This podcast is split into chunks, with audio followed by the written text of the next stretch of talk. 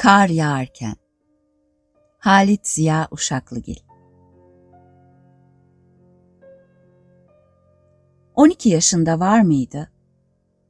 Şakaklarından, ensesinden sarkan düz, parlak, koyu siyah saçlar altında, sarı, süzgün, küçük yüzüne gelişememiş kemikleri üstünde donuk esmer rengiyle zayıf izleri görülen kaslarına, yırtık gömleğiyle, parçalanmış pantolonunun içinde ince bir değnek gibi duran çelimsiz gövdesine bakılırsa belki daha küçük sanılırdı.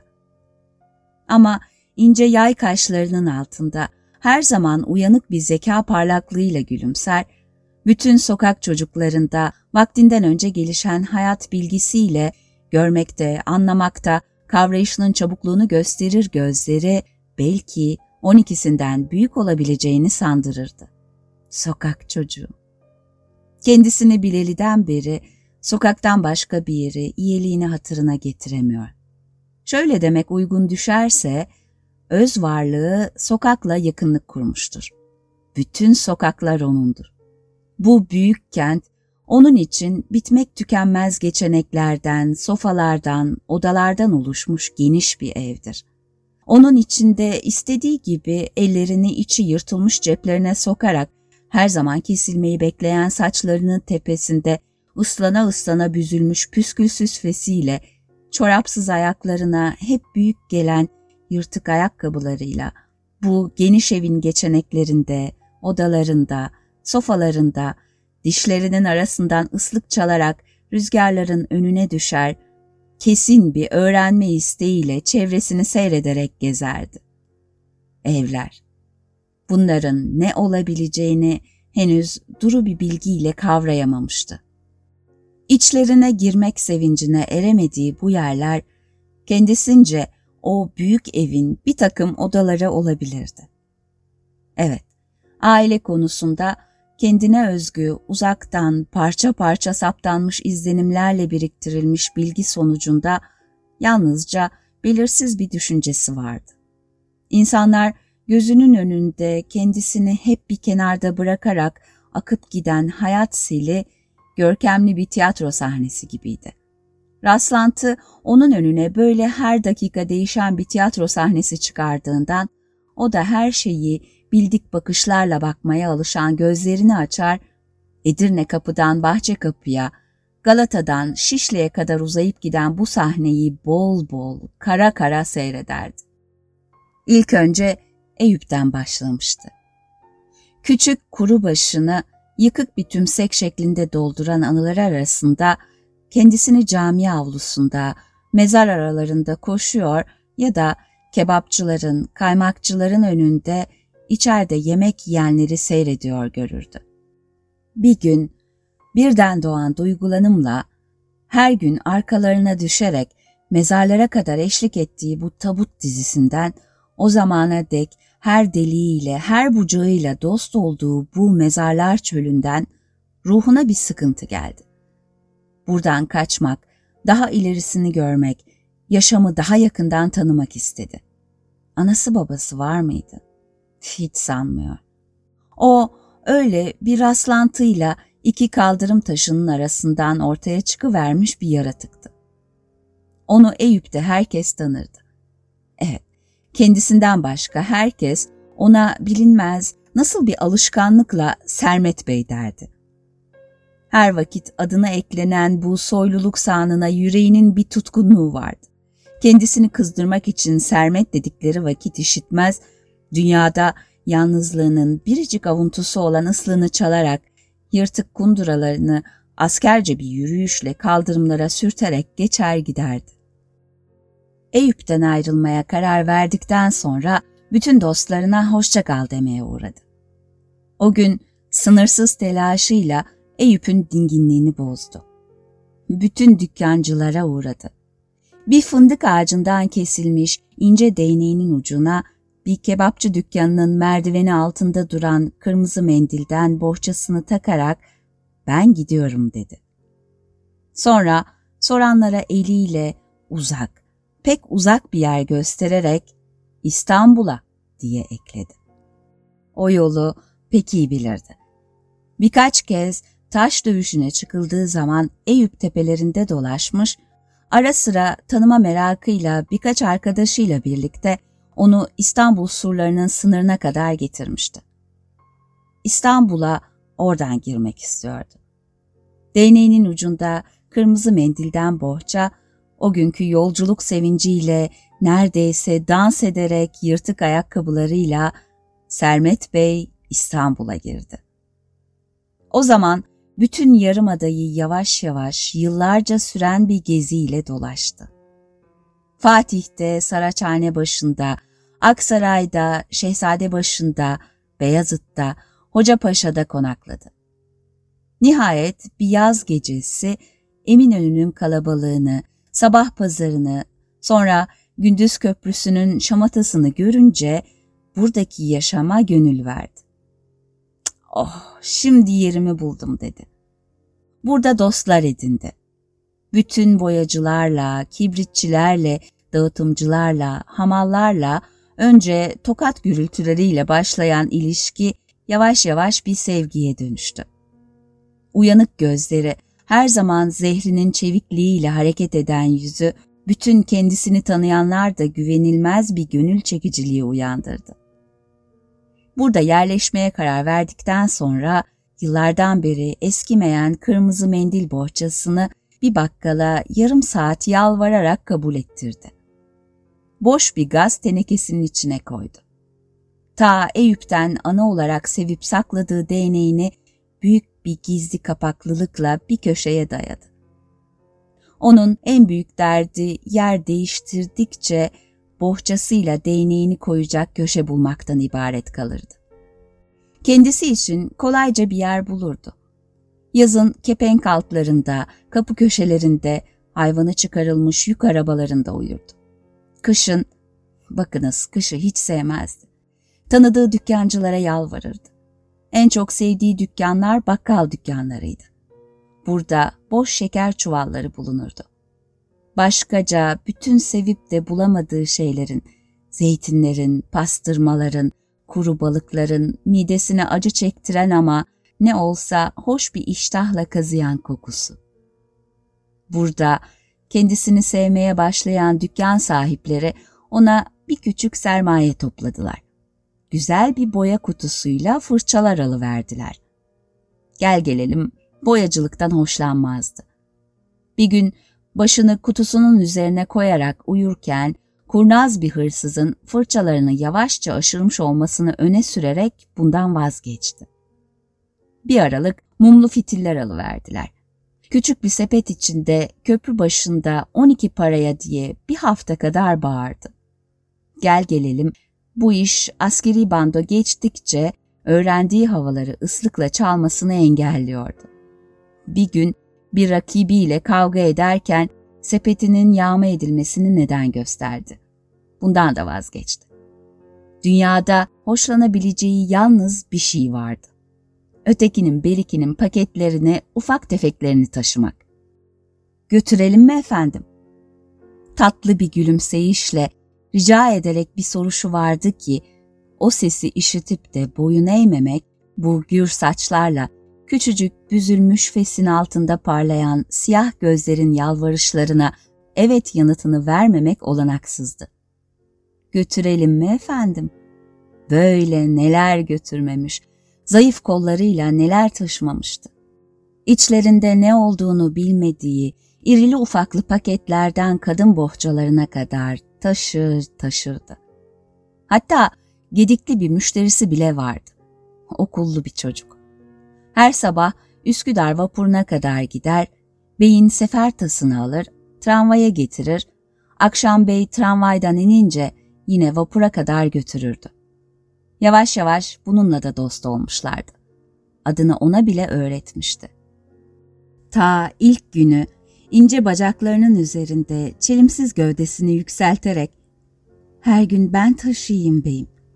Akşamları beni göremezseniz Sermet Bey diye çağırırsınız.'' demişti. ''Götürelim mi efendim?'' Böyle nerelere kadar gitmiş, bu büyük kentin nerelerine kadar sokulmuştu.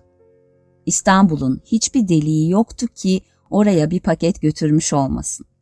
Hatta birkaç kez müşterisiyle birlikte tünele bile binmiş, Taksim'e, Şişli'ye kadar gitmişti. Onun uyanık yüzünden kuşkulanarak kendisini öne düşürürlerdi. O vakit omuzlarını kısarak, önde yürüdüğüne sıkılarak, zavallı parça parça ayakkabılarını çamurların içinde sürükler giderdi. Eğer arkaya kalırsa, müşterisini seyretmekten gönenirdi. İşitilmeyecek bir kertede yavaşça ıslığını çalarak, şişman zayıf, genç yaşlı, kadın erkek, binlerce halkın, elleri kolları dolu, bacakları yorgunluktan kırık, arkasından giderdi. Bu işten yakınmazdı. Tersine, gezinti isteklerine dilediğinden çok elverişli olan bu paket taşıyıcılıktan hamallık demezdi, hoşlanırdı. Bir kış, henüz soğukların başlangıcında, yağmurlu bir havada uzun bir iş yolculuğundan dönüşünde başı döndü. Gözleri bulandı. İnce basma gömleğiyle bir eski fanila yelekten ibaret olan giysisinden yağmurlar geçerek iliklerine değin ıslanmıştı. Çelimsiz gövdesi ciğerlerine kadar titreyerek kış başlangıcından beri kendisini barındıran bakkala gitti. Islandım, dedi. O vakit bakkal izin verdi. Boş şeker çuvallarını alarak dükkanın çatı arasına çıktı. Orada ısınamayarak, titreyerek, yaşamında birinci kez olmak üzere üşümekten doğan acıyı duyarak yattı. Artık köprü başında haftalarca görünmedi. Burada şu bakkal çatısı arasında sabun çuvallarının ekşi kokusuyla petrol sandıklarının iğrenç kokusu arasında dört şeker çuvalı içine sığınarak kimsesiz, aşağıda yaşam savaşı tutuşmuş kulaklarına çıkan bu yüz binlerce insanın arasında yapayalnız, iki üç günde bir daha kalkmayacak mısın diyen çıraklardan başka bir yakınlık görmeyerek, bir avutma sözcüğü duymayarak bazen ateşler içinde tutuşmuş, bazen titremekten çeneleri kilitlenmiş haftalarca yattı. Hastalıktan kalktı. Ama bu olaydan sonra kıştan nefret etmeye başlamıştı. Şimdi üşüyordu. Önceki gibi değil, acı duyarak. Artık şurada kaldırımın üstünde bir zamanlar Eyüp'te arkalarından gittiği tabutların içindekiler gibi ölü vermek isteğini duyumsayarak üşüyordu. Hastalıktan çıktıktan sonra kendisini o denli zayıf buldu ki bir gün Cağaloğlu'na götürülecek bir paket için müşterisinin arkasından yürüyemedi. Babali yokuşunda durmak zorunda kaldı. Ağlayarak götüremeyeceğim efendi dedi. Şimdi tembelliği yeğliyor, en olası biçimde az yürümek, az yorulmak için ağzında götürelim mi efendi sorusu hastalıklı bir tınıyla işitilmez bir yardım isteği haykırışına dönüşüyordu.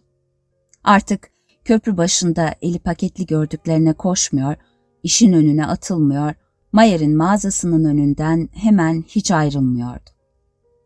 Burada bir iki müşterisinin giysilerini taşısa yetinirdi. Bir de sabah akşam okullu beyin sefer tası nöbeti vardı. Mayer'in mağazasının önünde onun durmak için seçtiği kenarda bir manken kıvırcık saçlı, çifte kırpık sakallı, mağrur gözlü bir manken vardı ki, kışın başlangıcından beri siyah astragandan geniş yakalı paltosuyla onun çıplaklığına acı bir alay gibiydi.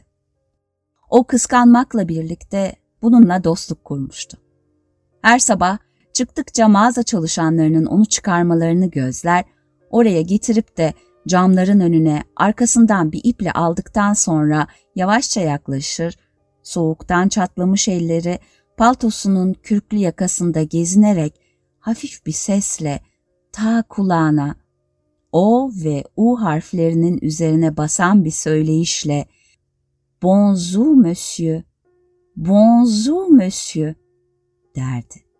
O vakit onun ta kenarına paltosunun eteklerinin ucuna oturur, o kürklü kim bilir nasıl ısıtır, lacivert çuhanın sayesinde düşsel bir sıcaklıkla ısınarak beklerdi. Onun da bir paltosu, omuzlarını örtecek bir kürklü paltosu olsaydı. Şimdi hastalıktan beri bir paltoya, özellikle bir kürklü paltoya sahip olabilmek zihninde değişmez bir düşünü biçimi almıştı. Bir gün mağazanın hamalından bu paltonun kaç para olduğunu sordu. Hamal gülerek, ''Vay Sermet Bey, paltoya imrendin mi?'' dedi. Sonra sırıtarak, ''On lira.'' diye ekledi. On lira. Acaba on lira kaç para eder? Bu kadar parayı akla almıyordu. Bugünden sonra kürklü bir paltoya sahip olabilmek umudunu yitirdi. Kendi kendine keşke sormasaydım dedi. Ama yaşamının ereği kendisi için bir kürklü paltodan ibaretmişçesine her sabah o çifte sakallı mankenin mağrur gözleriyle paltoma bak diyor gibi duruşunu gördükçe isteği yenilenirdi. O zaman oraya paltonun altına etekleri yüzüne gözüne sürünecek kadar yakınına çömelir ve gözünün önünden geçen kürklü paltoları sayardı. Bir gün sabahleyin kalktığı zaman iri iri parçalarla kar düşüyordu. Titreyerek çuvalların arasından çıktı. Sokağa çıktığı zaman çevresi bembeyazdı. Karlar oynaşarak, çırpınarak havada canlanıyormuşçasına yüz binlerce beyaz mini mini kuşlar gibi kanatlarını silkerek sonsuz bir yağışla köprü başında bekleyen arabacıların, atların üzerine, yolcuların şemsiyelerine, paltolarına düşüyordu. Soğuktan kıpkırmızı olan ellerini soluğuyla ısıtmaya çalışarak her günkü dostuna yaklaştı. Titreyen sesiyle ''Bonjour monsieur, bonjour monsieur, bonjour monsieur'' dedi. Gel gelelim bugün bu dostundan nefret ediyordu. O mağrur gözleriyle her günkü alaycılığından daha açık, daha seçik küçümseyişiyle sanki bak paltoma, kürklü paltoma diyordu. Bugün soğuktan şişen çatlak kırmızı ellerini paltonun kürklü yakasına sürmedi. Bugün yüreğinde acı bir uzaklık vardı. Kendi kendine her zamankinden daha çok ah bir paltom, kürklü paltom olsa diyordu. Geç kalmış olmak korkusuyla ilerledi. Köprüyü geçmeye başladı. Yırtık gömleğin üzerinde yakası pek geniş duran fanila yelek boynunu, ensesini karların ısırmasına açık bırakıyordu. Gözünün önünde havayı beyaz bir çiçek çağlayanına dönüştüren karlar saçlarının kenarından kayarak boynuna, ensesine dokunuyor, bütün gövdesini buz gibi bir ateşle titretiyordu. Paltolu, şemsiyeli halkın arasından içler acısı çıplaklığıyla geçti. Üsküdar iskelesine kadar gitti. Okullu müşterisini bekledi. O vapurdan çıkınca sefer tasını uzattı. Sonra bu soğuktan kızarmış yüze, o yarı çıplak vücuda bakarak ''Sermet Bey, sen yine hastalanacaksın, üstüne bir şey giysene.'' dedi. ''Ne giyeyim?'' diyemedi. Gülerek ''Giyerim beyim.'' dedi. Ama çocuk bu yoksulluğu bütün korkunçluğuyla anlamış bir saniye önce dikkatsizlikle ağzından çıkan sözden utanarak gözlerinin akına kadar kızarmıştı. Kar devam ediyor, iri iri parçalar kiremitleri, sokakları örtüyordu. Kar yağarken bütün gününü kürklü paltonun yanında ısınmak için ayaklarıyla yere vurarak, ellerinin soluğuyla ısıtarak önünden geçen halkın içinde kürklü paltoları saymakla geçirdi. Ertesi sabah daha çok üşüyordu. Dün soğuğa dayanmış, ağlayarak hemen oraya düşmemek için büyük bir güç harcamıştı ama bugün bütün direncinin sona ereceğini anlıyordu. Asla o kürklü paltonun düşsel sıcaklığıyla ısınamayacağını ayrımsıyordu. Üsküdar iskelesine kadar bin kez geri dönmek isteğini duydu. Parmakları kopuyor, sızlayan ayakları gövdesinden ayrılıyor sanıyordu. Bugün okullu beyin elinde sefer tasından başka kağıtlara sarılmış büyük bir paket daha vardı. Çocuk sefer tasından sonra paketi uzattı. Sermet Bey, bunu sana getirdim, dedi. O vakit yüreği çarptı. Eliyle paketi yoklayarak ne olduğunu anlamak istedi. Sormaya utanıyordu. Sefer tasını tramvaya bırakıncaya dek içi içine sığmadı. Acaba nedir merakıyla koşuyordu. Yalnız kalınca paketini kapacaklarmış gibi göğsüne basarak başının üstünden dökülen karların altında bakkal dükkanına kadar koştu. Herkesin görebilmesinden sakınıyordu. Bu paketi bütün yabancı gözlerden esirgiyordu. Ta yukarıya, çatı arasına dek çıktı. O vakit yatağının, şeker çuvallarının üzerine oturdu. Sicimlerini çözmeye başladı. Paket birbiri üstüne birkaç gazeteye sarılmıştı. Sabırsızlığından bunları parçaladı. Gazetelerin içinden eliyle tutup kaldırdı. Gözlerine inanamıyordu. Gazetelerin arasından eliyle kaldırdığı şey bir palto, kürklü bir paltoydu. O zaman sevincinden bağırmamak için elleriyle ağzını tuttu. Şimdi onu şöyle çuvalların üzerine sermiş, karşısına geçmiş, ağzı şaşkınlıkla, sevinçten oluşmuş derin bir solukla açık, gözleri rüya görmediğine güvenemeyerek o kadar zamandan beri umutsuz istenilen bu değerli şeyi uzun uzun seyretti. Birden aklına bir fikir geldi. Gömleğini, yeleğini düzeltti. Bu paltonun şerefine kendisine çeki düzen vermek istedi. Gözlerinin önünde serilen şey bir rüyanın artığıymış da dokunursa kaçacakmış kuruntusuyla çekinerek elini uzattı. Paltoyu aldı, giydi. Etekleri kolları biraz kısa, bedeni biraz dardı. Şimdi sevinçle ne güzel, ne güzel diyordu. Önünün kordonlarını taktı. Pantolonunun paçalarını düzeltti. Saçlarını parmaklarıyla taradı. Yıldırım hızıyla merdivenlerden aşağı inerek çırakların şaşkınlığı arasından geçti, kalıpçıya dek gitti. Bir onlukla fesini uzattı. Şunu bir kalıba çek dedi. Arkadaşlarından birinin boya kutusuna koştu. Bir onluk da ona uzatarak parça parça ayakkabısını kutusunun üstüne koydu. Kalıpçı, boyacı, vay Sermet Bey bu şıklık nereden esti diyorlardı. O hiçbirini yanıtlamıyordu. Şimdi vakti yoktu, yapacak işi vardı. Son bir güvenç bakışıyla kalıpçının aynasında kendisine baktı. Hepsi tamam, dedi. O vakit çamurların içinde yeni boyanmış yırtık ayakkabılarını sürterek, ellerini paltosunun ceplerine sokarak, püskülsüz fesine düşen kar parçalarından yakınmayarak, mağrur tavrından ödün vermeyerek, yavaş yavaş, bey soylu bir ağır başlılıkla ta Mayer'in mağazasına dek gitti. Çifte sakallı, mağrur gözlü, yakası kürk paltolu mankenin yanına ta kulağına yanaştı. Ne vakitten beri her sabah onun acı alayından akan küçümseyişi geri çeviren büyüklük ve ağır başlılıkla donanmış bir bakışla ''Bonjour monsieur, bonjour monsieur'' dedi. Sonra yakasının kopuk tüylerini okşayarak ekledi. ''Bak benim kürklü paltoma.''